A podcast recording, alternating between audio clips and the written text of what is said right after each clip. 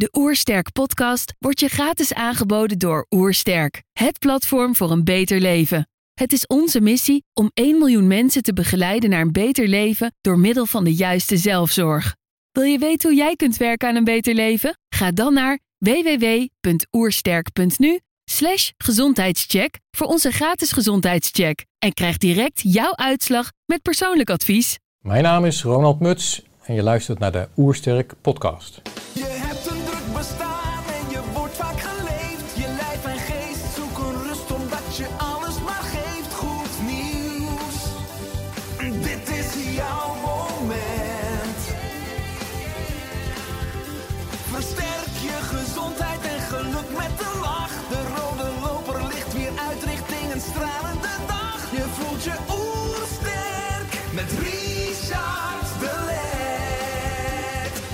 Zijn hier in Heemskerk voor een podcast met Ronald Muts. Ronald is standarts met ruim 30 jaar ervaring in de biologische tandheelkunde. Ik ben benieuwd naar zijn tips voor een beter leven. Trouwens, geniet je van onze podcast? Abonneer je dan en laat een reactie of een review achter. Zo help je ons om het gezondheidsvirus te verspreiden. Let's start. De Oersterk Podcast. Een ontdekkingstocht naar een beter leven. Ronald, welkom. Ik lees op jullie website: Wij streven samen met u naar maximale mondgezondheid. Waar moet ik dan allemaal aan denken?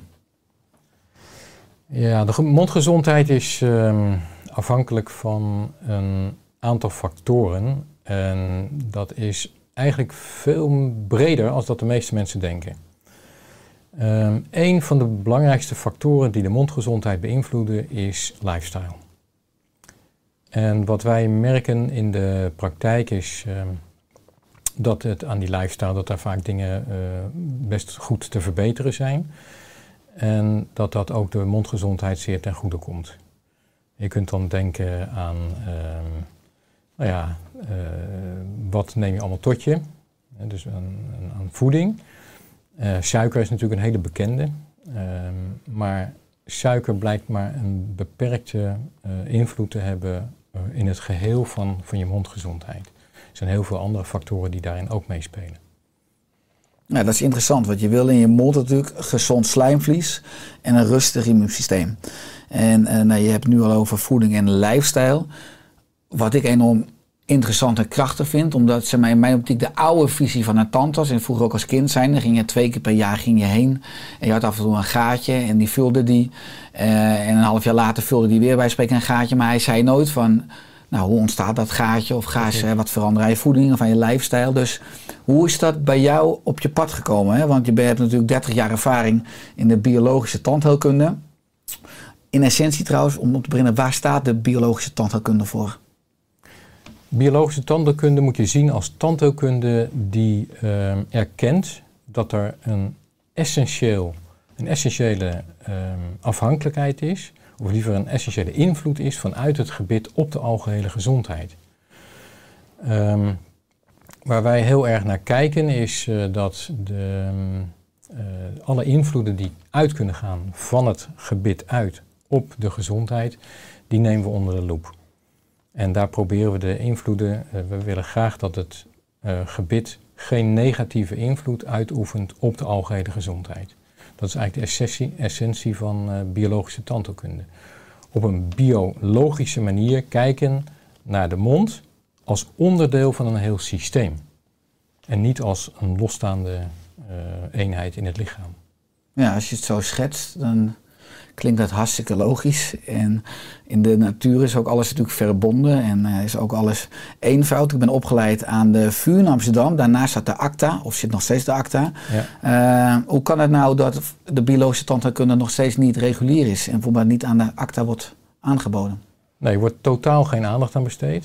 Ehm, ja, hoe dat precies komt, mm, dat is lastig te, te achterhalen, omdat alles wat we eigenlijk in de praktijk doen, ook wetenschappelijk, eh, dat daar, zijn onderzoeken van. Alleen, men weet het niet. Dus in de opleiding wordt het niet onderwezen.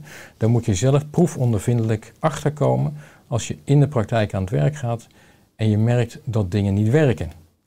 Of je denkt bijvoorbeeld, ehm, de preventieve maatregelen die ik nu neem, waarom neem ik die? Wat is het effect daarvan? En zijn er ook andere manieren om hetzelfde effect te bereiken? Ehm, dus ja, dat, dat, dat zijn dingen, daar moet je gaandeweg zelf achter komen. En dat is in het onderwijs totaal niet ehm, ehm, ja, relevant nog op dit moment. Wel in landen zoals Duitsland, Zwitserland en Oostenrijk. Daar wordt het veel meer, ook op de universiteit onderwezen.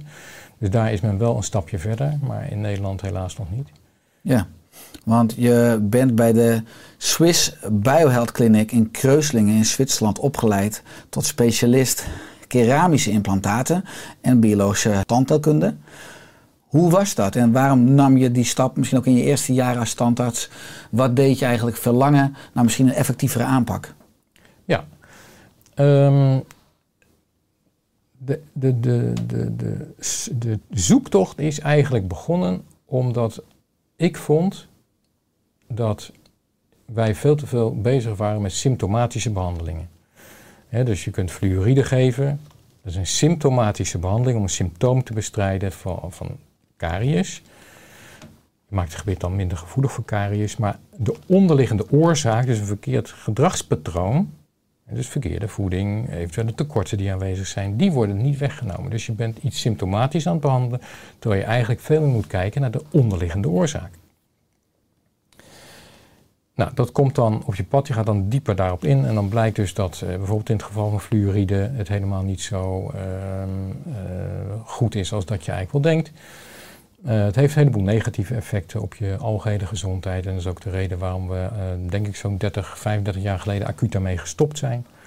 Omdat kinderen, zeker kinderen, langer te geven. Um, en eigenlijk is dat hetzelfde verhaal met alle materialen. Alle dingen die je toepast in de tandheelkunde. Want er is geen arts die zoveel lichaamsvreemde materialen toepast als een tandarts. Van al die materialen ga je uiteindelijk afvragen: hey, Um, is dit gezond voor het lijf? Is dit een biologisch inert materiaal? Of uh, zijn er toch bepaalde nadelen aan verbonden? Nou, zo was dat ook met implantaten. Want implantaten zijn natuurlijk hele mooie voorzieningen, uh, zolang uh, zich je algehele gezondheid geen schade doen. Um, de implantologie in Nederland en eigenlijk over de hele wereld is tot nu toe voornamelijk uh, gebaseerd op het toepassen van metalen implantaten. En dat is van een materiaal dat heet titanium. En titanium hadden wij altijd eigenlijk al wat bedenkingen tegen, sowieso tegen metaal, omdat het geen neutraal materiaal is. Er zit altijd een elektromagnetisch veld uh, rondom een metaal en dat is niet biologisch.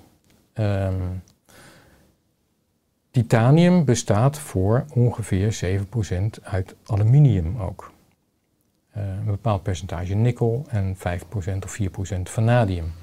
Nou, dat zijn metalen die je liever niet in je lijf hebt. Dus wij hebben altijd als tandarts uh, nooit die mogelijkheid willen toepassen om bij mensen metalen implantaten uh, in het lijf te plaatsen, die er eigenlijk ook moeilijk, kan wel, maar heel moeizaam weer uitgehaald zouden moeten kunnen worden. Op het moment dat er bijvoorbeeld een, een nikkelallergie is of een allergie voor andere metaaldelen uit dat titaniumimplantaat. En dus wij zijn eigenlijk pas ingestapt op het moment dat de keramische implantaten uh, ontwikkeld werden. Dat is ongeveer nu denk ik 12, 13 jaar geleden. Hebben wij de eerste keramische implantaten uh, geplaatst bij onze patiënten. En daar hebben wij uh, heel veel expertise in opgedaan. Um, en het voordeel van het keramische materiaal is dat het biologisch veel en veel vriendelijker is. Het is esthetisch veel fraaier. Um, het is um, ja, ook qua inheling uh, een stuk mooier voor de weken Dus al met al zijn wij toen ons nog verder gaan specialiseren erin. Uh, de Swiss Biohealth Clinic die bestaat nog niet zo heel lang. Maar degene die dat gesticht heeft, uh, Dr. Volts, die had zelf eerder al een praktijk waar we onze cursussen al jaren geleden hebben gedaan. En um, nu waren er ook mogelijkheden om daar een examen af te leggen in die Swiss Biohealth Clinic. En dat hebben we toen gedaan. Eh, dat is een, eh, een praktisch examen en een theoretisch examen. En dat hebben we als eerste Nederlanders hebben we dat uh, succesvol mogen, mogen afronden. En keramische implantaten, waarom ook specialist biologische tandheelkunde? Dat waren wij natuurlijk ook al 30 jaar. We waren al 30 jaar in bezig. Maar die keramische implantaten kun je niet loszien van een stukje biologische tandheelkunde. Want een keramisch implantaat verlangt ook een biologische denkwijze. Dus eh, vandaar die combinatie witte implantaten en biologische tandheelkunde. Ja, en wat bedoel je met een biologische denkwijze? Ehm, biologische denkwijze is dat je meedenkt eh, hoe eh, bijvoorbeeld in het geval van implantaten de botstofwisseling denk, werkt. Ehm, kijk, een, een keramisch implantaat moet vastgroeien in de kaak. Liever gezegd, de kaak moet rondom het implantaat vastgroeien. Kaakbot. Het kaakbot. Ehm, dat kan alleen maar op het moment dat er eh, een goede bo- botstofwisseling is. Hè. Dus dat er voldoende mineralen, vitamine, bouwstoffen aanwezig zijn om dat bot ook goed te kunnen vormen. Op het moment dat er tekorten aanwezig zijn, en dat is vitamine D daar een heel mooi voorbeeld van, maar ook magnesium ehm, en vitamine K2, dan zie je dat eh, de botstofwisseling op een veel mm, ja, lager pitje staat. En dat wil je nu juist niet. Een van de factoren die het, ehm, ja, die het, het mislukken van een implantaat kunnen beïnvloeden, eh, is een tekort aan mineralen of aan vitamine, omdat dat die bouwstoffen dan breken om goed, goed bot te kunnen vormen. Nou, dat is meehelpen denken van hoe het systeem werkt, hoe het biologische systeem werkt. En dat eh, wordt normaal gesproken in de reguliere tandheelkunde niet gedaan. Er wordt eigenlijk niet eens naar de kwaliteit van het bot gekeken. Er wordt niet naar de vitamine-mineralenstatus van een persoon gekeken die geïmplanteerd moet worden. Er wordt niet gekeken naar of er ontstekingen in de kaak aanwezig zijn, ja of nee. Er wordt niet gekeken of er dode tanden en kiezen naast het implantaat staan. Eh, dat doen wij allemaal wel. Mhm. En eh, wij proberen zoveel mogelijk na te denken over...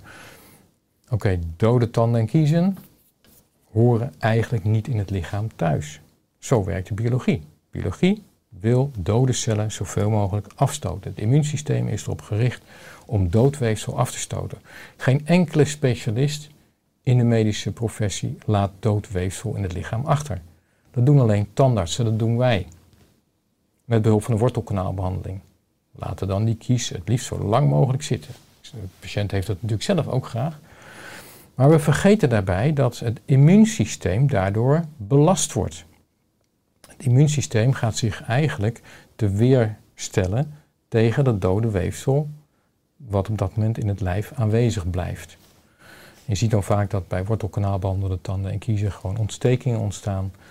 Ehm, dat er een, na het trekken van tanden en kiezen ook ontstekingen in de kaak achterblijven. Uh, dus wij proberen zoveel mogelijk mee te denken met het lichaam. Een heel een simpel voorbeeld is uh, met die vitamine D. Als we gaan implanteren bij patiënten, willen we echt de vitamine D-status weten. We weten dat de kans op mislukken echt veel groter is op het moment dat die vitamine D-level uh, in het bloed laag is. Uh, behalve dat het goed is voor de botstofwisseling, is het nog voor duizend en één andere dingen natuurlijk goed, vitamine D. Maar altijd combineren met vitamine K2. Um, om ervoor te zorgen dat je geen uh, aderverkalking krijgt. Als je hoge doseringen vitamine D3 gaat uh, gebruiken, dan kan er een hypercalcium parkeren in het bot en ja, niet precies, in de bloedvaatwand. Precies, ja. ja. daar zorgt vitamine K2 voor. Ja, ja. ja, maar dat is eigenlijk wat je zegt is natuurlijk helemaal waar. Gezondheid start in de mond. Uh, en ik weet niet hoeveel mensen er zijn die wel eens een wortelkanaalbehandeling hebben gehad, maar dat zijn enorm veel mensen. Maar heel veel mensen lopen met dode tanden en kiezen nou, dus om, in de mond. Om je daar een, een idee van te geven, uh, per jaar worden alleen in de uh, die, Verenigde Staten van Amerika worden 60 miljoen wortelkanaalbehandelingen gedaan. Dat betekent dat 1 op de 4 Amerikanen elk jaar een wortelkanaalbehandeling erbij krijgt. In Duitsland zijn dat 9 miljoen wortelkanaalbehandelingen per jaar.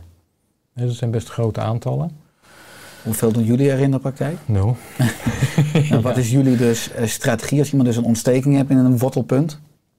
Ja, als een ontsteking uh, aanwezig is in een wortelpunt, is dat een aanwijzing ervoor dat het lichaam het niet eens is met datgene wat er dus aan de hand is uh, op die plek. een ontsteking moet je zien als een afweerreactie van het lichaam, van het immuunsysteem, om die kies of tand kwijt te raken. En omdat bij de meeste mensen de in de werking van het immuunsysteem ongeveer 30% verlaagd is de laatste jaren, zie je dat het dat dikke kaken, hè, monden, ontstekingen, wat vroeger veel voorkwam, dan werd zo'n kiezer gewoon uitgewerkt door het lichaam.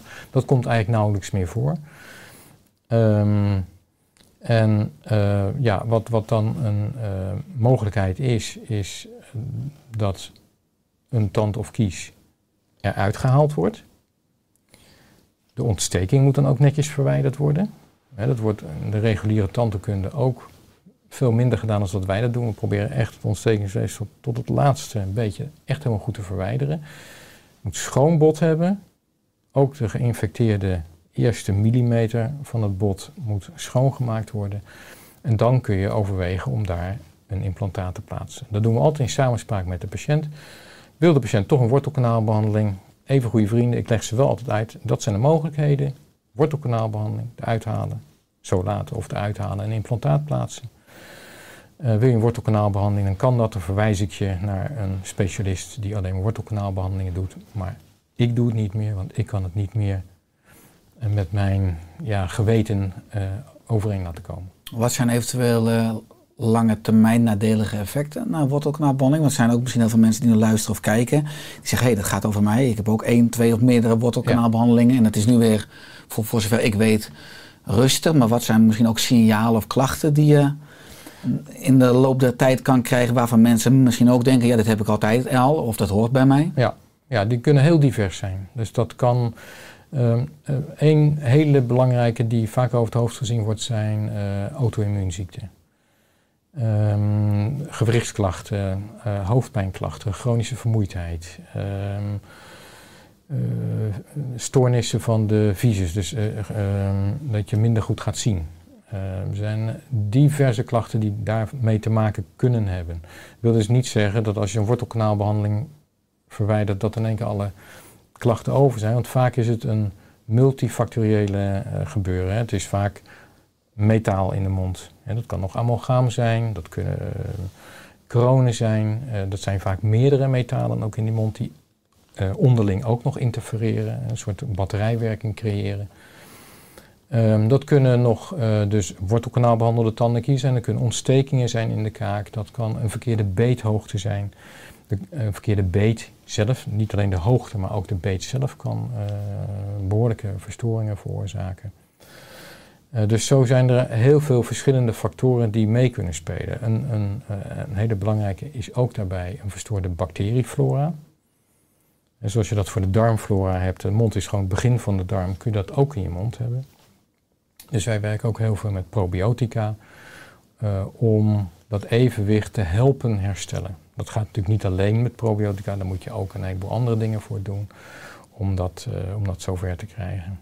Maar zijn het orale probiotica? Ja, dat zijn speciale orale probiotica. Die, uh, uh, je hebt probiotica voor de darm en je probiotica speciaal voor de mond. Uh, die kun je in een spoelvorm uh, tot je nemen, die kun je in een spray tot je nemen. Um, en die bevorderen uh, de mondgezondheid. die, die zorgen als het ware voor het verschuiven van de balans van pathogene ziekmakende bacteriën naar gezonde bacteriën. En, en met name bij tandvleesproblematiek is dat best een, een, hele grote issue. We gebruiken het ook bij de wondgenezing. Laten de mensen altijd Ehm, de probiotica gebruiken na een chirurgische ingreep om de wondgenezing zo goed mogelijk te bevorderen. Ja, ik ben het wel met je eens. Ook in onze oestercoachopleiding gaan we in op een lekke mond, hè, wat enorm veel voorkomt. En dan een simpele test als je met een stoker, een tandstok tussen twee tanden, ja. dan zie je dat bij heel veel mensen al gaat bloeden. Wat dan een teken ja. is eigenlijk dat het uh, systeem uit balans is. Hè? Dat het ontstoken is. Je noemt ook dat dus veel mensen metalen in hun mond hebben, zoals amalgaam wat je noemt. Ja. Uh, dat zie je vaak ook naar, bijvoorbeeld op verjaardagen. Maar als mensen lachen, hè, dan zie je vaak al die zwarte punten al uh, in het gebit zitten. Uh, wat is jouw advies uh, voor deze mensen? Omdat amalgam is natuurlijk kwik. Hè? Dat is natuurlijk niet stilstaand. Ik bedoel, het ademt. Het kwik is continu natuurlijk ook voor deels vrij aan het komen. Wat zouden die mensen het best kunnen doen? Nou, dus, dat is goed dat je dat zegt. Ehm, het is een misverstand dat kwik in een vulling stabiel is. Een amalgaamvulling uh, bestaat voor 50% uit kwik. En kwik blijft gedurende de, uh, de levensduur van de vulling, dus gedurende de tijd dat het in de mond is, ook al is dat nog na 25 jaar, continu uit de amalgaamvulling vrijkomen. Het gebeurt vooral bij temperatuurverhoging, bij kouwen, bij wrijving dus. Kopje thee, kopje koffie. Ja. ja komt continu vrij. Uh, de kwikdampen die daardoor uh, vrijkomen worden direct ook uh, opgenomen door het zenuwweefsel. Wat ja, een hele belangrijke zenuw is de vijfde hersenzenuw, de nervus trigeminus, die, die eh 50% uitmaakt van alle hersenzenuwen. In het, eh, en zit van met name bovenkaak, onderkaak heel sterk met de tanden verweven. Ehm, neemt dat ook heel snel op. En er zijn verschillende vormen van kwik die daarmee eh, ook te maken hebben. Ehm, de ene vorm van kwik is wat giftiger dan de andere vorm van kwik. En met name ook dode tanden en kiezen spelen daar een belangrijke rol bij. Ehm, omdat daarmee de giftigheid van kwik ook nog een keer versterkt wordt. Dus wat adviseren wij dan? Ehm, wij adviseren eigenlijk nooit om standaard bij iedereen uh, de amalgaam direct te verwijderen. Ehm, dat ligt een beetje aan de patiënt.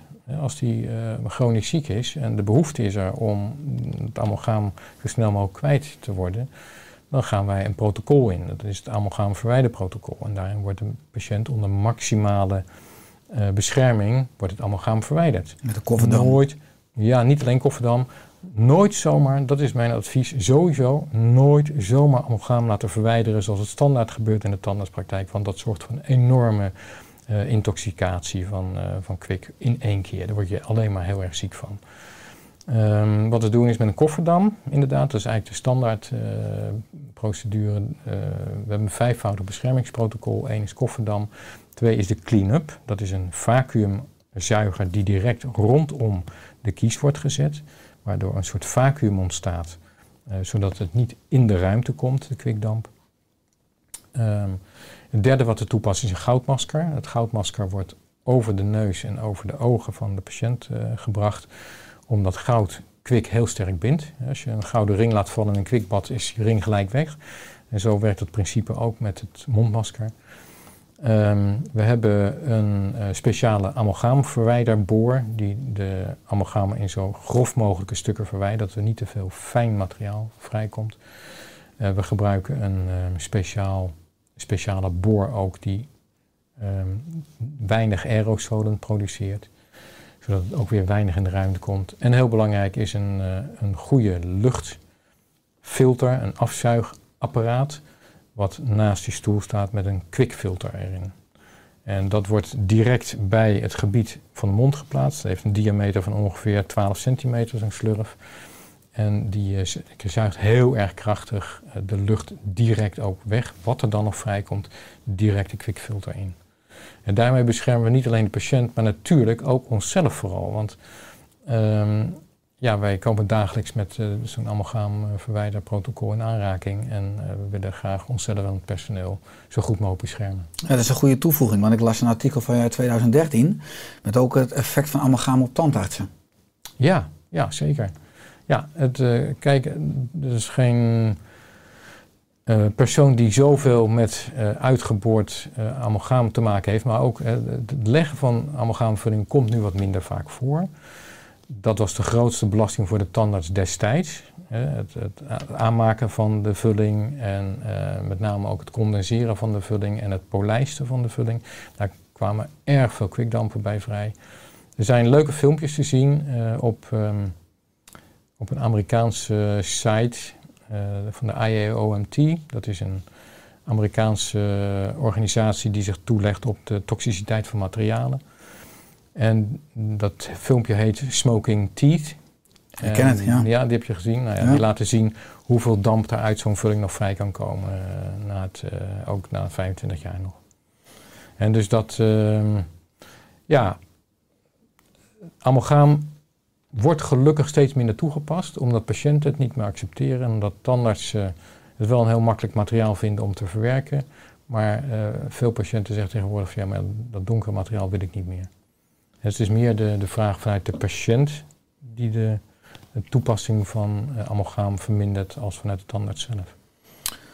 In mijn ortomoleculaire opleiding leerde ik, zeker de oudere generatie tandartsen, die heel veel met dit soort metalen en amalgamen krik werkten, dat dat de beroepsgroep was die het minst oud werd en waar ook relatief het meest zelfmoord in voorkwam. Omdat het natuurlijk ook neurotoxisch is ja, en zich in het brein opslaat. Ja. Klopt dat? Ja, ja, dat is zo. Ja. Ja, dus uh, daar is ook onderzoek, hersenonderzoek gedaan hè, bij uh, overleden tandartsen. En ik uh, weet niet meer precies hoeveel de, de concentratie was, maar minstens 100 keer zo hoog als wat normaal gesproken aanwezig is in de hersenen. Ik denk dat het hoger was, maar Dan kan ik me niet meer helemaal eh, herinneren hoe de, hoeveel, Hm. hoeveel het precies was. Ze hadden een fantastische baan in ieder geval, maar ze hebben niet lang dus van een pensioen kunnen Ja, genieten. nou precies. Ja. Het is een van de meest ongezonde beroepen, dat klopt. Ja. en dat is inmiddels dan aan het verbeteren. Ehm, bij de biologische tandarts wel. ja, maar bij de reguliere tand is het nog onvoldoende. Eh, dat denk ik wel, omdat die gewoon nog het amalgaam uitboren op de ouderwetse manier, zonder bescherming. Ja, alhoewel het gebruik van amalgaam wel minder wordt, maar het uitboren van het oude amalgaam, ja, dat gaat nog wel even wat jaartjes duren voordat het helemaal weg is. Als je kijkt naar, normaal is mijn visie ook van een tandarts, is dat je twee keer per jaar naar een tandarts toe gaat voor controle. Eh, voor mij is dat ook maatschappelijk ingeburgerd. Eh, hoe is dat in essentie ook ontstaan, dat je één keer per half jaar naar een tandarts gaat? En is dat in jouw optiek genoeg of optimaal? Als je het ook hebt over optimale mondzorg. Ehm, ja, daar, daar eh, denken, tandartsen in het algemeen denken daar nu wat genuanceerder over. Het is, vroeger was het eigenlijk wel standaard, inderdaad twee keer per jaar. Omdat dat een frequentie was waarbij je in redelijke mate de, de vorming van caries eh, nog kon eh, bijhouden. Zeg maar, gaatjes. hè, gaatjes. Hè. Ehm, tegenwoordig kijken we meer naar de individu. Eh, hoeveel zorg heeft iemand nodig? Het kan zijn dat iemand zo'n goede mondgezondheid dat, dat, dat hij maar één keer in het jaar hoeft te komen. Het kan ook zijn dat iemand meer zorg heeft en dat hij één keer in de drie maanden die zorg nodig heeft. Dus dat wordt tegenwoordig veel meer individueel bekeken. Van hoeveel zorg heeft iemand nodig? Bij tandvleesproblematiek is dat vaak één keer in de drie maanden. Heeft iemand verder helemaal niks, is eh, niet erg kariesgevoelig, eh ja, dan kan het eh, één keer per jaar. En dus en, mm, ja, daartussenin zit het halve jaar en dat wordt ook nog veel gedaan. Ja, dus het is altijd maatwerk. Ja, zeker. We hebben natuurlijk ook het advies van poets iedere dag je tanden. Of het liefst natuurlijk twee keer op een dag. Waar kunnen we het beste mee poetsen? Als je over tandpasta's, zijn natuurlijk ook heel veel Ja. visies. eh, met of zonder fluoride bijvoorbeeld. Ja, nou, mm, sowieso geen fluoride. Eh, fluoride is een eh, stof die tot de halogenen behoort, hè, dus een hoogreactieve stof is. Ehm, reageert niet alleen met glazuur, maar ook met, met alle andere ehm, ja, orgaan- orgaansystemen, enzymen in het lichaam. Eh, heeft Waarom de een schildklier. Ja. eh, heeft een verhardende werking, dus ook op pezen en gewrichten. Ehm, ja, en is eh, eh, onder andere wordt het heel veel toegepast in rattengif. En ja, dat is niet echt een, een vriendelijke stof om tot je te nemen. Dus het is zeker geen advies van onze praktijk ook uit om fluoride te geven. En nogmaals, waarom geven die fluoride? Eigenlijk is het een symptomatische behandeling om slecht gedrag te compenseren. Dus het is veel beter om te kijken van nou wat kunnen we aan het gedrag veranderen. Eh, onder andere poetsgedrag is er dan eentje van. Dus eh, hoe, kunnen we onze mond gezond houden? Nou, onder andere door een goede mondhygiëne te hebben. En poetsen is daar een onderdeel van. Maar we moeten het ook tussen de tanden schoon houden. En dat kunnen we dan weer met ragertjes of met flossen of met stokertjes doen. Nou, zo heeft iedere individu heeft extra zorg nodig op een bepaalde manier. En het is niet echt te zeggen van nou, jij moet met die borstel altijd poetsen met die tandpasta. Nee, dat, ook dat ga je weer individueel bekijken. Ehm, er zijn mensen die met een elektrische borstel prima overweg kunnen zonder dat ze te veel schade berokkenen aan het gebit. Maar er zijn ook mensen die eh, daar juist wat minder handig mee zijn en waarvan je zegt, nou dat, dat kun je beter niet doen. Of maar één keer per dag of één keer per twee dagen met de elektrische borstel. Omdat je tandvlees daar bijvoorbeeld te veel door terugtrekt. Ehm, altijd een hele zachte borstel gebruiken. De zachtste die je kunt krijgen. Ehm, daarnaast langzaam poetsen. Niet te snel. Lichte druk op de tandenborstel uitoefenen. Omdat je met een tandenborstel ook schade kunt berokkenen. hè. Je kunt ervoor zorgen dat het, ehm, dat het tandvlees geïrriteerd raakt. Dat het gaat terugtrekken. En dat je daarmee ook ehm, het glazuur uiteindelijk gaat beschadigen. Waardoor je weer allerlei restauratieve behandelingen moet doen om dat te herstellen. Eh, dus dat is wat betreft de borstel. Maar je Eh, ziet dat, eh nou punt nog over de borst, dat heel veel mensen bijvoorbeeld ook heel hard drukken. En dat die haren naar de buitenkant nou, gaan dat is, staan. Dat, dat is een teken dat, dat je veel te hard gepoetst hebt. Ik zeg altijd, als, je, als de borstelharen nou een week al op half zeven hangen, ja, dan weet je dat je veel te hard gepoetst hebt. Een borstel hoort ongeveer drie maanden in de conditie te blijven waarin je hem gekocht hebt. En dan gooi je hem na drie maanden gooi je hem weg.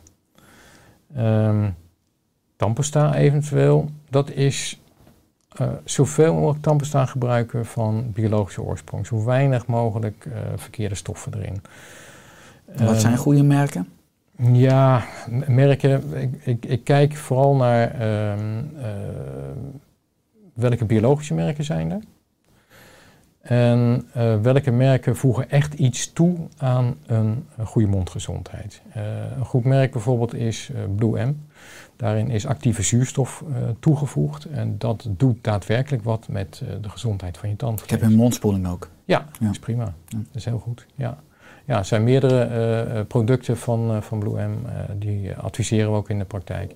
Maar er zijn even goede ook andere producten die in een individueel geval voor die patiënt misschien net weer even iets beter is.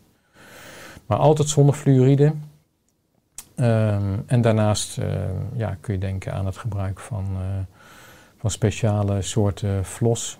eh flostape in plaats van gewone eh, die dunne flos. Flostape kan het heel makkelijk op ehm, vrije vlakken schoonmaken. Dus bijvoorbeeld de allerachterste kiezen, waar je met de borstel moeilijk komt, met een gewone flosdraad ook. Ehm, ja, zo zijn er allerlei verschillende vormen van, van mondverzorgingsproducten. Is het belangrijk dat iedereen iedere dag stookt of flost? Ja, dat is wel heel belangrijk. Ja. Ja, dat is een van de onderdelen eh, van een goede mondgezondheid. Alhoewel de importantie, dus de belangrijkheid daarvan, minder wordt naarmate je li- lifestyle beter is. Ja, dus een goede lifestyle. Daarmee kan de mondhygiëne, zie je ook dat bijvoorbeeld de plakvorming een stuk minder is. En dat de bacterieflora in de mond veel gunstiger is. Eh, dus dan is het wat minder noodzakelijk om echt je zo strak aan dat mondhygiëneprotocol te houden. Ehm, heb je een goede vitamine- en mineralenstatus, heb je een goed vitamine D-gehalte. En een hoog vitamine D-gehalte kan al voor 50% minder caries zorgen. Dat is gewoon wetenschappelijk onderzoek. 50% minder caries door vitamine D. Dat lijkt me toch een veel natuurlijker vorm eh, om je gebit eh, gezond te houden als het toedienen van fluoride. Wat het totaal niet doet. Ehm, nou, zo zijn er een heleboel andere dingen ook. Hè. Vitamine C voor, een, gezond tandvlees. eh, een heleboel andere vitamine en mineralen die ook voor een goede mondgezondheid kunnen zorgen. Dus als je daarin slaagt om dat goed te managen als patiënt, eh, daar geven we ook voorlichting eh, in. We werken ook samen met een, met een voedingsdeskundige die onze praktijk ondersteunt. En ehm, ja, waar mensen ook terecht kunnen met, eh, met het verbeteren van een algehele lifestyle. Ik las het, hè, en die biedt vooral een drievoudig onderzoek. Hè, een bloedonderzoek, een speekseltest en een voedingsdagboek. Ja. Vragen mensen hier ook steeds meer om? Ik moet zeggen dat dat nog wel ehm, lastig is, omdat er toch wel heel veel mensen die zeggen van ja, maar dokter, ik eet toch zo gezond. En als ik dan ga uitleggen dat, eh, dat datgene wat ze kopen in de supermarkt vaak niet meer, eh, dat daar de voedingsmiddelen in zitten die er 100 jaar geleden in zaten. Ja, dan gaan de meeste mensen toch wel nadenken. Ehm, en dan zie je wel dat die vraag uiteindelijk dan ook bij de voedingsdeskundige, eh, of dat die mensen ook wel bij de voedingsdeskundige terechtkomen. Ehm, maar dan moet je echt wel een beetje mensen wat meer bewust maken nog daarin. Want de tomaat die we nu kopen in de supermarkt is meestal op ehm, een hydrocultuur gekweekt en niet, die staat niet meer in de volle grond. En er zitten niet meer de vitamine en mineralen in die we misschien, waarvan we verwachten dat ze erin zitten. Dus waar zouden we dan mogen kopen, die tomaat? Het liefst uit je eigen moestuin. Maar gaat de- de voedingsdeskundige daar ook op in? Want ik neem aan dat sommige patiënten, bijvoorbeeld ook als je op een flat woont, ik zeg maar wat, dan is het uitdagend. Er kan misschien een bak op je balkon. Ja, zeker. zeker. Ja. kunt er heel veel doen hoor. Als, eh, met, een, met een kleine bak kun je een heleboel doen, op, ook op balkon.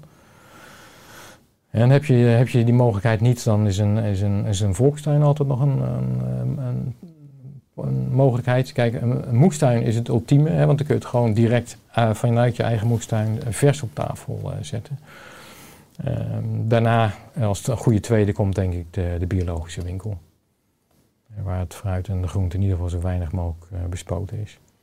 Wat is in jouw optiek een blauwdruk van een goede dag qua voedingspatroon? Want nogmaals, we hebben het nog niet per se gehad over frisdranken. Maar frisdranken zijn in mijn optiek ook natuurlijk voor het hele lichaam, maar ook voor de mond verre van optimaal of toxisch. Ja. Eh, maar wat zouden praktische gezonde eh, voorbeelden zijn eh, qua voedingsmiddelen waar uiteindelijk de bacteriën in je mond en je tanden ook gewoon niet alleen blij van worden, maar ook sterk van blijven? Ja. Ehm, dat is moeilijk om daar echt een algeheen, eh, algeheel beeld van te schetsen, maar in ieder geval weinig koolhydraten. Dus zo weinig mogelijk suikers en zeker de enkelvoudige suikers, dus geen glucose, sucrose.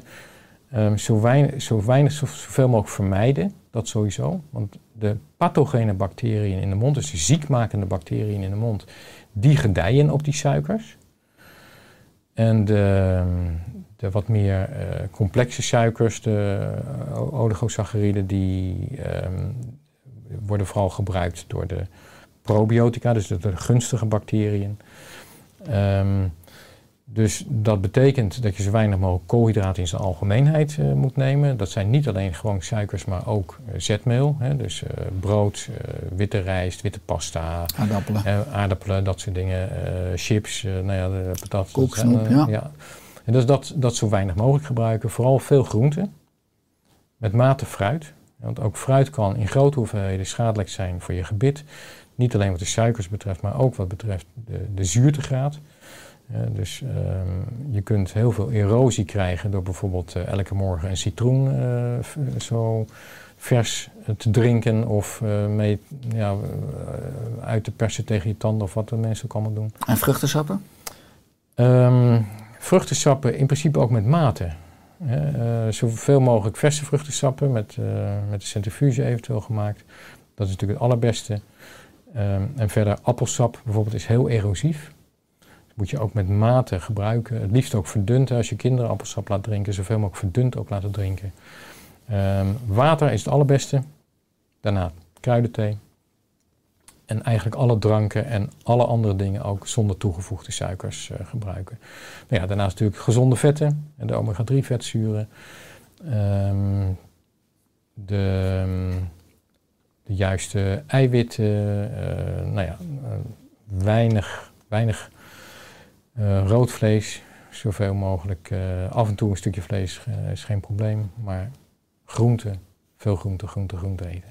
Ja, want als ik kijk dan op jullie website staat er preventie, esthetiek en gezondheid staan altijd centraal.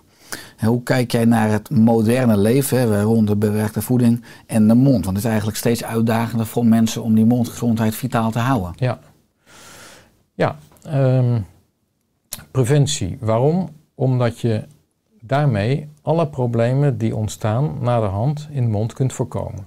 Dus wat je kunt voorkomen betekent geen gaatje, betekent ook geen vulling, betekent in een later stadium geen wortelkanaalbehandeling, betekent in het later stadium geen kroon, betekent geen ontsteking, betekent gewoon een vitale, gezonde tand.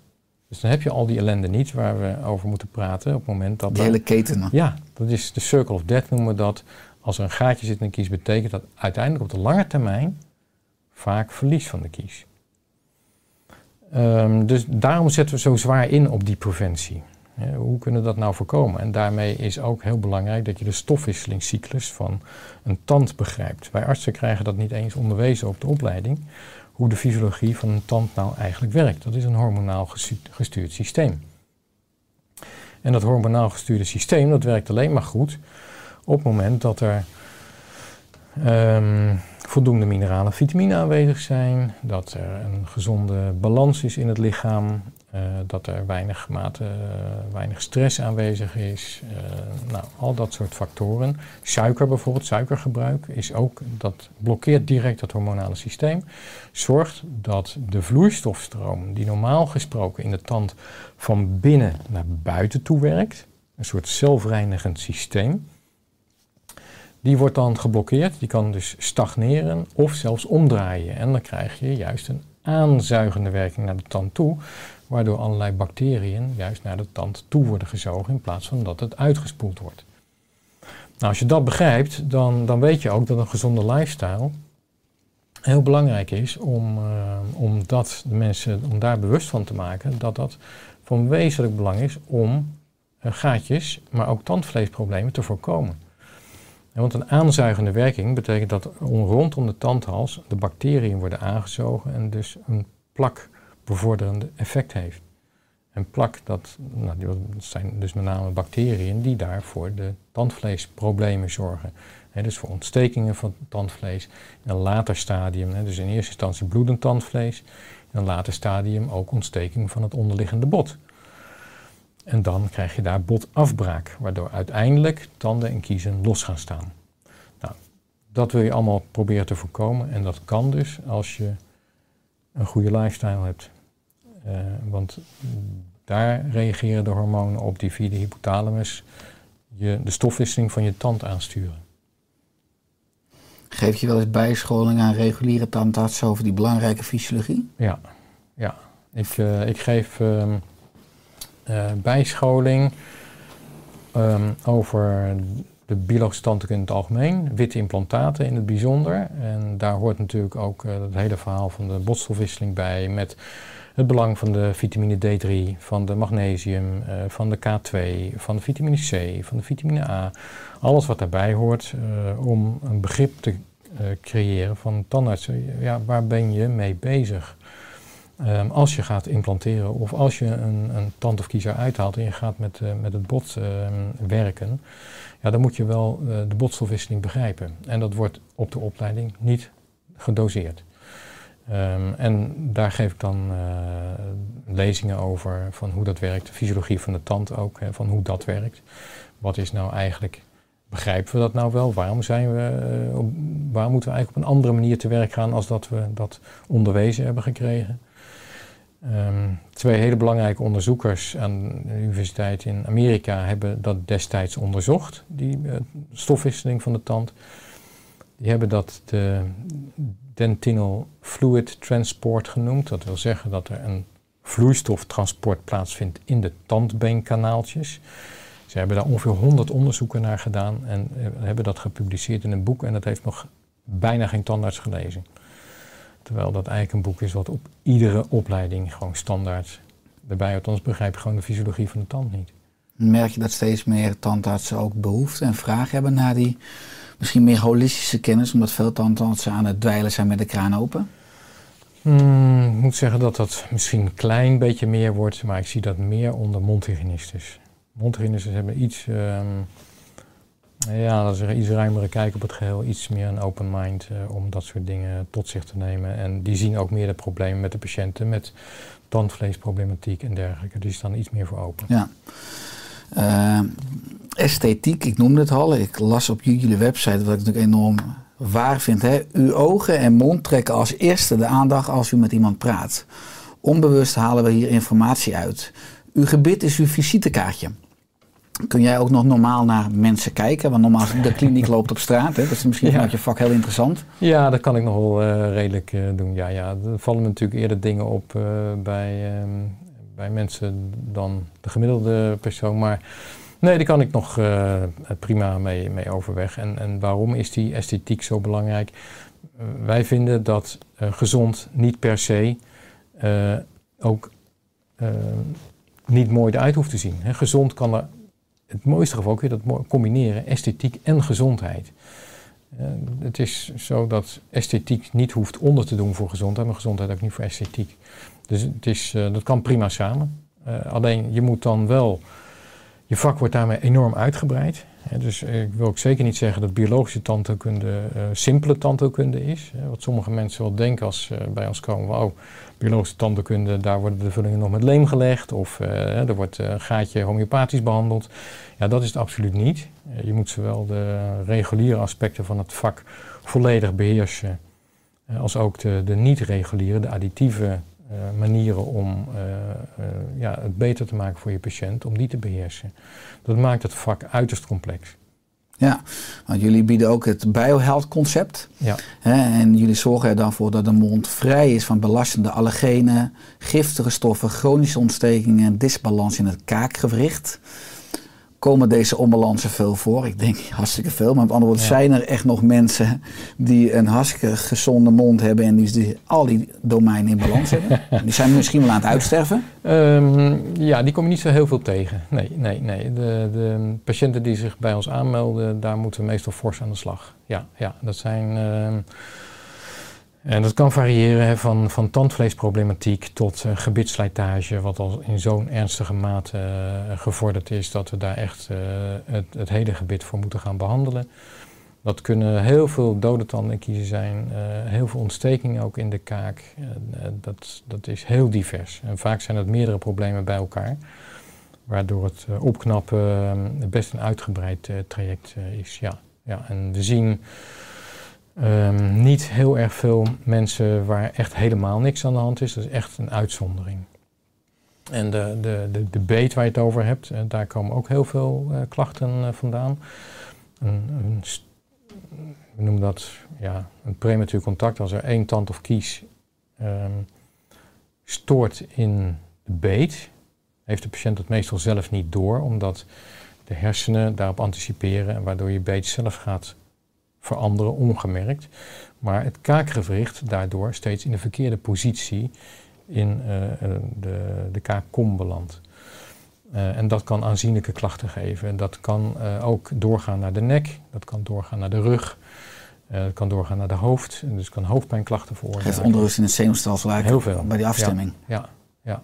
Dus dat kan een oorzaak. We werken ook met chiropractoren samen om ook die factor te kunnen managen. Uh, een ander veel voorkomend uh, probleem is uh, verlies van beethoogte. Dus dan heb je niet zozeer over een storing in de beet, maar heb je gewoon het verlies van beethoogte. En um, de hersenen die detoxificeren, die, de hersenen hebben geen lymfvatsysteem, dus die moeten op een bepaalde manier draineren, dan moeten de toxine kwijt. En die doen dat door s'nachts ongeveer met 60% te krimpen. Um, dat systeem dat werkt veel minder goed op het moment dat je beet te diep is. Um, 1 mm beetverlaging kan al zorgen voor 50% minder bloedtoevoer van een bepaalde um, ja, uh, bloedvat in je, in je hals. Je carotis. Um, nee, de vena jugularis. Even, ja, zit, ja. zit er in de buurt. Ja. ja. ja. dat is dus boeiend wat je zegt, dat ons brein eigenlijk overdag dus eigenlijk zwelt. En eigenlijk s'nachts weer krimpt. Nou, we weten als we een kater hebben, als het systeem ook van aan het ontgiften is en ons brein niet voldoende afgenomen is qua zwelling, dan staan we ook hartstikke brak op. Ja. Maar dat hangt dus ook met die subtiele millimeters al samen Precies. qua beet. Ja. Ja, ja, daarom is het ook zo belangrijk om de, de beethoogte op peil te houden. Uh, en je ziet dat met name bij slijtageproblemen zie je dat uh, gebeuren. En je ziet het ook wel bij uh, mensen die een gebitsprothese hebben waarbij de kaken slinken, waar die ook iedere keer wat dieper dicht gaan bijten. Of als je s'nachts bijvoorbeeld de prothese uitdoet, dan zijn de kaken helemaal gesloten. Veel dieper dan normaal. En knijp je echt de bloedvoorziening in je hals volledig af. En dat betekent dus ook dat de hersenen geen drainagemogelijkheid meer hebben. En daarmee de toxine in je hersenen zich opstapelen.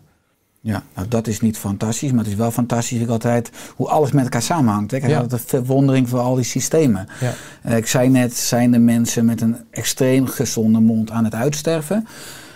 Zijn er tandarts nog? Zie je dat de tandartsen als beroepsgroep ook allemaal iedere dag tanden of uh, flossen, stoken, goed poetsen, een gezonde lifestyle hebben? Want normaal heel veel tandartsen zitten misschien ook heel veel op een dag. Veel stress, spoedjes. Ja. Maar ja. het is dan natuurlijk ook uitdagend om je eigen zelfzorg en je mondzorg uh, optimaal te houden. Maar zie je dat de beroepsgroep tandartsen over het algemeen alleen maar preventief bij collega's komen? Nee, zeker niet. Nee, zeker niet. Want um, ook de meeste collega's hebben geen notie van uh, dat een gezonde lifestyle van invloed is op hun gebit. Hè. Dus uh, er zal geen collega zijn die ook maar denkt van dat vitamine D-status iets te maken heeft met zijn mondgezondheid. Maar toch op de een of andere manier uh, die onbegrepen gaatjes bijvoorbeeld ontwikkelt. Hoeft niet per se bij een collega te zijn, maar kan ook gewoon bij een patiënt zijn. Mm -hmm. Waar komen nou die onbegrepen gaatjes vandaan bij iemand die toch een goede mondhygiëne heeft? Hè, waar komen de, de, de, de, tandvleesproblemen vandaan bij iemand die wel zijn best doet met de mondhygiëne, maar toch tandvleesproblemen heeft? Ja, dat kunnen stressgerelateerde factoren zijn, dat kunnen mineraal-vitamine tekorten zijn, dat kunnen een heleboel uh, andere factoren ook nog zijn. En dus um, ja, dat, dat is onze manier van kijken naar de, de mondgezondheid. Wat zouden drie krachtige lifestyle tips zijn die luisteraars of kijkers al zouden kunnen integreren? Dat je zegt, nou als je dit al op orde hebt, dan heeft dat een enorm positief effect op de mondgezondheid. Ik hoor je natuurlijk zeggen, vermijd suiker. Ik hoor je zeggen, slik of meet vitamine D3 en slik eventueel bij. Eh, nou, ik hoor je over van koop iedere drie maanden een zachte tandenborstel en zorg dat Ja. hij zo zacht in de rechte Ja. toestand blijft. Maar Ja. dat, dat is mijn eigen vertaalslag. Ja, Maar ja, ja. ja en, en, en daarnaast, ehm, als je een mogelijkheid hebt eh, om de, de metalen uit je mond te laten verwijderen, zou ik dat, eh, zou ik dat zeker doen. gaat het dan ook over piercings? Ook, ook zeker, ja, ja. Het gaat eigenlijk over alle metalen in, in het ho- hoofd-halsgebied, Mhm. zeg maar. Eh, wat je tegenwoordig ook heel veel zien is natuurlijk dat je toch vrij veel met je eh, mobiele telefoon aan je oor zit. Ehm, op deze manier eh, versterk je nog een keer al het metaal wat hier zit, eh, ja, gaat daarmee interfereren. Ehm, ons advies is ook bijvoorbeeld op het moment dat je implantaten hebt geplaatst of dat je een operatie hebt gedaan om je mobiele telefoon niet te gebruiken. Zeker niet in dit gebied, omdat dat ook de genezingskans verstoort. Genezing vindt plaats in de, ehm, de rustmodus van het centrale zenuwstelsel, hè, dus in de parasympathicus. Ja. Ehm, en eh, mensen komen tegenwoordig haast niet meer in die parasympathische status, doordat we met zoveel stressfactoren te maken hebben. Niet alleen ehm, lichamelijke stress of psychische stress, maar ook eh, met elektromagnetische stress. Hoe kom jij in die parasympathische status? Ehm, ja, het is ehm, best lastig om ehm, daarin te komen. Er zijn natuurlijk een aantal eh, vitamine eh, en mineralenpreparaten die eh, daarbij helpen. Onder andere vitamine C kun je ook meer die parasympathicus krijgen. Rust nemen, sporten, mentaal voorbereiden, mediteren. Eh, ja, meer naar de eh, holistische manier van eh, kijken naar het leven. Ja, ja we gaan nu heel erg in op inhoudelijk zeg maar, je vak als standaards. Eh, maar de praktijk in Apeldoorn bestaat uit een groot team. Mhm. Ik lees op de website Teamwork is Dreamwork. Ja. Eh, maar wat komt ook allemaal bij een grote praktijk kijken? Want nogmaals, je hebt ook eh, je inkoop van spullen, je hebt je, je personeel. Je hebt, dat zie je natuurlijk niet. Je komt naar binnen, je gaat liggen, je gaat weer weg, je hebt een behandeling. Ja. Maar er komt natuurlijk enorm veel kijken bij een grote praktijk. Dat klopt. Hoe coördineer je dat allemaal?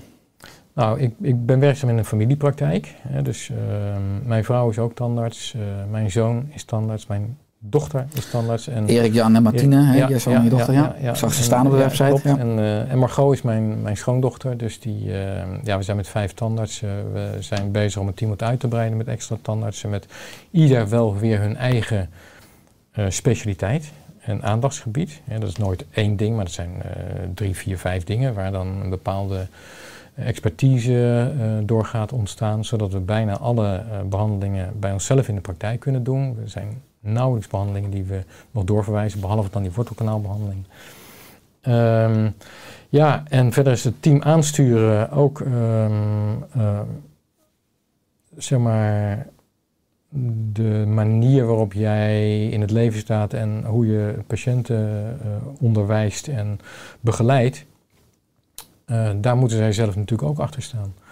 En zij moeten er ook een steentje aan bij kunnen dragen. Dus ook van hen wordt die kennis verlangd van, ja, hoe gaan we om met, eh, met een goede mondgezondheid. En dat is eh, ja, onder andere ook de boeken te laten lezen. Samen groeien. Samen groeien. Ja, mooi. Ik heb natuurlijk twee bedrijven. Feiteli, eh daar is mijn vrouw aan het roer. Oersterk, daar is mijn zus aan het roer. Dus als je het hebt over familie, dan Ja, heb ik ook dat om me heen. Eh, is dat, maar soms is het ook uitdagend, zeg maar, als je het soms niet met elkaar eens bent. Eh, hoe is dat bij jullie in de praktijk? Want dat is natuurlijk werk-privé lopen zo natuurlijk enorm door, elkaar heen. Ja, dat klopt. Ehm, ja, dat, dat, daar, eigenlijk heeft geen van ons daar een probleem mee. Op het moment dat ehm, je werk je hobby is en daar je passie ligt, eh, is het niet zo lastig om daar ook in privé over te praten. En eh, wij hebben het zo gedaan dat ehm, ieder zijn eigen subspecialisme heeft. Dus eh, de een doet bijvoorbeeld uh, neuraaltherapie, de ander doet elektroacupunctuur. Ehm, ik en mijn vrouw doen de witte implantaten. Erik Jan doet weer meer de gebitsrehabilitatie en de, ehm, de esthetische tandheelkunde. Mijn dochter doet weer meer met chiropractie. Dus zo proberen we dat allemaal een beetje te, te verdelen. Fantastisch hoe jullie zo eigenlijk allemaal als cel in één lichaam samen veel sterker zijn dan Ja, al die onderdelen Ja. bij elkaar. Ja. Ehm, op de zorgkaart Nederland lees ik veel ook over jullie praktijk, onder andere. Bijzonder vriendelijk, oog en oor voor behoeften van de klant. Gedreven in het vak, hoge werkstandaard. En hoe is het om zulke reacties te krijgen en te lezen? Ja, dat, dat, is, dat is leuk. Uh, maar toen Zorgkaart er nog niet was, toen, mm, daar werkte ik niks meer of minder om. Laat ik zo zeggen, het is leuk om zulke reacties te krijgen. Je krijgt natuurlijk ook wel eens minder leuke reacties. En het vervelende vind ik eigenlijk met Zorgkaart altijd dat je een anonieme beoordeling krijgt. Dus je hebt weinig mogelijkheid tot weerwoord, omdat je niet weet wie er reageert. En dus je kunt niet dan inhoudelijk op de situatie ingaan. Dat vind ik wel jammer van anonieme beoordelingssites. Um, ik zou het veel meer fair vinden op het moment dat uh, de behandelaar of de arts uh, daar ook uh, zijn reply op kan geven. En liever nog, ehm, zeker als het een negatieve recensie is, om, om daar dan de tandarts eerst zelf over te benaderen. Maar goed, dat, het is leuk om ik, goede dan is, beoordelingen dan, dan te is krijgen. er een kans om te groeien ook. Ja, zeker. Ja, Ja, ja. dat, en dat proberen we ook juist. eh, om, kijk, wij kunnen ook fouten maken. Of eh, we kunnen het, misschien dingen over het hoofd hebben gezien. Of we kunnen eh, eh, dingen misschien minder goed hebben uitgelegd als dat de bedoeling was. Of dat we dachten dat we deden. Dus daar kunnen wij ook van leren. En daar proberen we juist ook ehm, de, de andere, de volgende patiënten die weer bij ons komen, hun voordeel weer mee te laten doen. Door ons, onze organisatie gewoon te verbeteren. Ja. Ja. Nou, ik helemaal, kijk, jullie vak is natuurlijk een groot deel vak inhoudelijk, maar ook een belangrijk deel communicatie. Absoluut. Ook al als je het hebt over een stukje educatie. Ik denk Ja. hier, dit uurtje in de podcast, dat heel veel luisteraars en kijkers eh, nou ook met een oor aan het klapperen zijn. Als je het hebt over wortelkanaalbehandelingen, als je het hebt over, over amalgaam, als je het hebt over, eh, over mondzorg. Het kan misschien wel eens ervoor gaan zorgen dat er straks allemaal mensen in slaapzak voor jullie praktijk liggen of enorme rijen. Ja. Maar zeg, er zijn inmiddels enorm veel collega's ook in de biologische tandheelkunde eh, met wie we het samen kunnen doen. Ook als mensen nu luisteren en kijken en misschien niet per se in de buurt van Apeldoorn wonen. Nee, wat, wat- nee. wat zijn dan goede eerste stappen? Nou, er is een eh, vereniging voor biologische tandheelkunde. Dat is de Nederlandse Vereniging voor Bio-energetische Tandheelkunde. Die hebben ook een website. Ehm, daar kunnen patiënten terecht om te kijken of er in hun buurt een biologisch werkzame tandarts aanwezig is. Ehm, er zijn niet heel veel biologisch werkzame tandartsen in Nederland, helaas. Ehm, maar die website geeft wel goed inzicht in waar de biologische tandartsen zitten. En die zitten met name in het westen van het land, in het oosten is het iets minder. Ehm, maar daar zou je kunnen kijken. Duidelijk. Dat betekent dan ook dat jullie het extra druk gaan krijgen. Ja, dat zou kunnen. Wat, is, wat is je missie of je droom voor de komende jaren? Ehm, ja, mijn missie is om de praktijk eh, zo ver eh, gestalte nog te geven dat wij ehm, nog meer de patiënten kunnen dienen met de kennis die wij hebben. Ehm, nog meer specialiteiten ook binnen te halen. En, met name nog meer gezondheid onder onze patiënten te kunnen, te kunnen geven. Dat is eigenlijk het ultieme doel. Niet alleen maar naar die, mond, naar die mond kijken, maar de algehele gezondheid vooral van de patiënt dienen. Mooi. Is er aan het einde van de podcast nog iets wat je graag wil aanvullen of toevoegen? Ehm, wat we zien is dat er veel mensen bij ons komen met al chronische klachten, die vaak niet begrepen worden door de reguliere tandartsen. Dat, kan, dat kan variëren van het maar blijven doorgeven van fluoride terwijl mensen er niet om vragen of terwijl ze het juist afwijzen, maar dat toch iedere keer de kinderen weer die fluoride krijgen.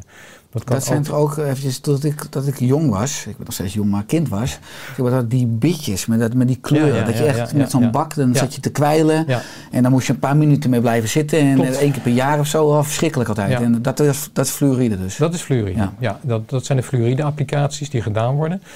Ehm, maar bij, wij vergeten wordt dat fluoride, wat dan ongemerkt ook doorgeslikt wordt, wordt bijna altijd ook doorgeslikt. En het wordt met je speeksel vermengd, het wordt doorgeslikt door kinderen. Die worden daar vaak misselijk van. En wat doet fluoride in het maagzuur, met het maagzuur, HCl, dus eh, zoutzuur?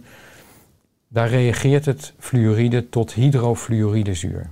En hydrofluoridezuur, daar etsen wij het porselein mee. Dat is een hoog agressieve stof in de maag terechtkomt bij kinderen en dan tot braakneigingen kan, eh, kan leiden. Dus dat is sowieso niet goed om te doen. Ehm, maar fluoride is eh, één aspect. eh, wat waar mensen vaak onbegrepen in staan. Tweede aspect is dat amalgaamverwijdering heeft men geen begrip voor dat dat ehm, gewoon onder een goede bescherming moet plaatsvinden. Die vijf factoren die je noemde. Ja, precies. Ehm, ontstekingen die niet gezien worden of niet, eh, waarvan men zegt, nou ja, dat kan, kan geen kwaad. Eh, dus eh, van die mensen zou ik zeggen, als die dat ondervinden, ehm, kijk ook eens verder. ehm, blijf vooral trouw aan je eigen ehm, principes en je eigen waarden en je eigen onderzoek. Doe ook je eigen onderzoek. En ga niet zomaar klakloos mee met, eh, met hetgene wat je voorgeschreven wordt. Ik zou denken dat dat. ehm, overleg het altijd eerst met je eigen tandarts. En die zal zeker in sommige gevallen eh, ook daartoe bereid zijn om dat eh, om, ja, toch of door te sturen naar een biologisch tandarts of om daar zelf actie te ondernemen. Eens. Waar kunnen mensen meer vinden over jou, over je tandartspraktijk? Ehm, op onze website www.mp3tandartsen.nl Ehm, op de website van de NVBT staan wij ook vermeld als eh, tandarts die de biologische tanden, tandheelkunde praktiseren.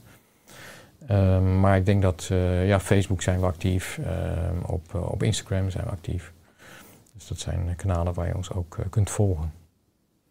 Mooi, dankjewel Ronald voor je komst in de Oorstek podcast. Graag gedaan. En dat we samen nog maar zo mogen bijdragen, ook via deze podcast, voor enorm veel mensen met maximale mondgezondheid. Heel graag gedaan, eh, Richard. Dankjewel, alle goeds. Dankjewel.